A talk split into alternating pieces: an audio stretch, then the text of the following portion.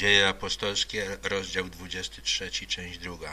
Dowódca zaś ujął go za rękę, odszedł z nim na bok i zapytał: O czym to masz mnie powiadomić? A on powiedział: Żydzi uchwalili prosić cię, abyś jutro przyprowadził Pawła przed Radę Najwyższą, niby dla dokładniejszego zbadania jego sprawy.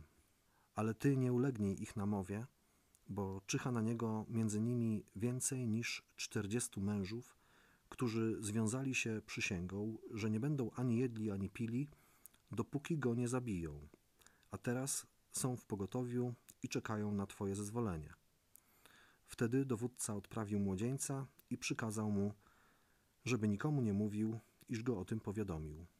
Dowódca zadbał o bezpieczeństwo siostrzeńca Pawła, rozmawiał z nim na osobności, potem jeszcze pouczył, żeby nikomu nie mówił, że z nim rozmawiał. Być może także reszta rodziny Pawła przeprowadziła się z Tarsu do Jerozolimy i też miał na uwadze ich bezpieczeństwo. Potem przywołał dwóch spośród setników i rzekł: Przygotujcie na godzinę trzecią w nocy w drogę do Cezarei dwustu żołnierzy, siedemdziesięciu jeźdźców i dwustu oszczepników. W Jerozolimie stacjonowała kohorta, czyli sześć centurii plus oddział jazdy. Centuria liczyła około 80 żołnierzy, choć sądząc po nazwie powinno ich być 100. Tutaj dowódca kohorty wzmocnił te centurie dwie do 200 żołnierzy. Wysłał jeszcze 70 jeźdźców i 200 oszczepników. Oszczepnicy byli w oddziale wspierającym kohortę. Taki oddział składał się z żołnierzy nie będących obywatelami rzymskimi. Mieli wyruszyć o godzinie trzeciej w nocy, czyli o naszej dziewiątej. Oddział był duży, ale chodziło o bezpieczeństwo obywatela rzymskiego, a nocą w okolicach Jerozolimy grasowały bandy rozbójników. Kazał też trzymać w pogotowiu zwierzęta juczne, aby wsadzić na nie Pawła i odstawić go cało do namiestnika Feliksa. Napisał też list tej treści. Klaudiusz Lizjasz najdostojniejszemu namiestnikowi Feliksowi przesyła pozdrowienia. Męża tego pochwycili Żydzi, a gdy już mieli go zabić, przypadłem z żołnierzami i uwolniłem go, dowiedziawszy się, że jest obywatelem rzymskim. A chcąc się dowiedzieć, z jakiej przyczyny go oskarżali, postawiłem go przed ich Radą Najwyższą. Stwierdziłem, że jest oskarżony o sporne zagadnienia dotyczące ich zakonu, lecz że nie ciąży na nim żadne przestępstwo zasługujące na karę śmierci lub więzienia. A gdy mi doniesiono, że się przygotowuje zamach na tego męża, natychmiast wysłałem go do ciebie, a oskarżycieli powiadomiłem, aby przed tobą powiedzieli, co mają przeciwko niemu.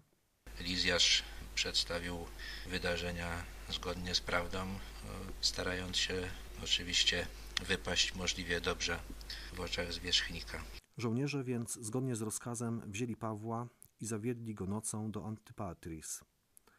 Nazajutrz zaś wrócili do twierdzy, zostawiwszy jeźdźców, aby jechali z nim dalej. Antipatris leżała w, około, w odległości około 70 km od Jerozolimy. Tyle przeszli w nocy, kiedy niebezpieczeństwo napadu było największe. W Antipatris piesi zawrócili i dalej już Paweł podróżował z mniejszą eskortą, tylko z tymi 70 jeźdźcami.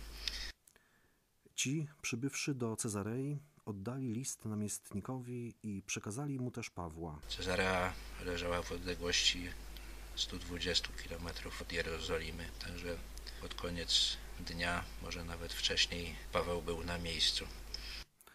A gdy przeczytał list, zapytał, z jakiej prowincji pochodzi, a dowiedziawszy się, że z Cylicji, rzekł: Przesłucham cię, gdy przybędą również do oskarżyciele twoi. I rozkazał go strzec w pałacu Heroda. Namiestnik za zaczął od ustalenia, komu podlega Paweł. Kiedy się dowiedział, że jest z Cylicji, miał do wyboru albo rozstrzygnąć jego sprawę sam, albo odesłać go do Cylicji, aby tam był osądzony. Zdecydował, że sam rozpatrzy tę sprawę.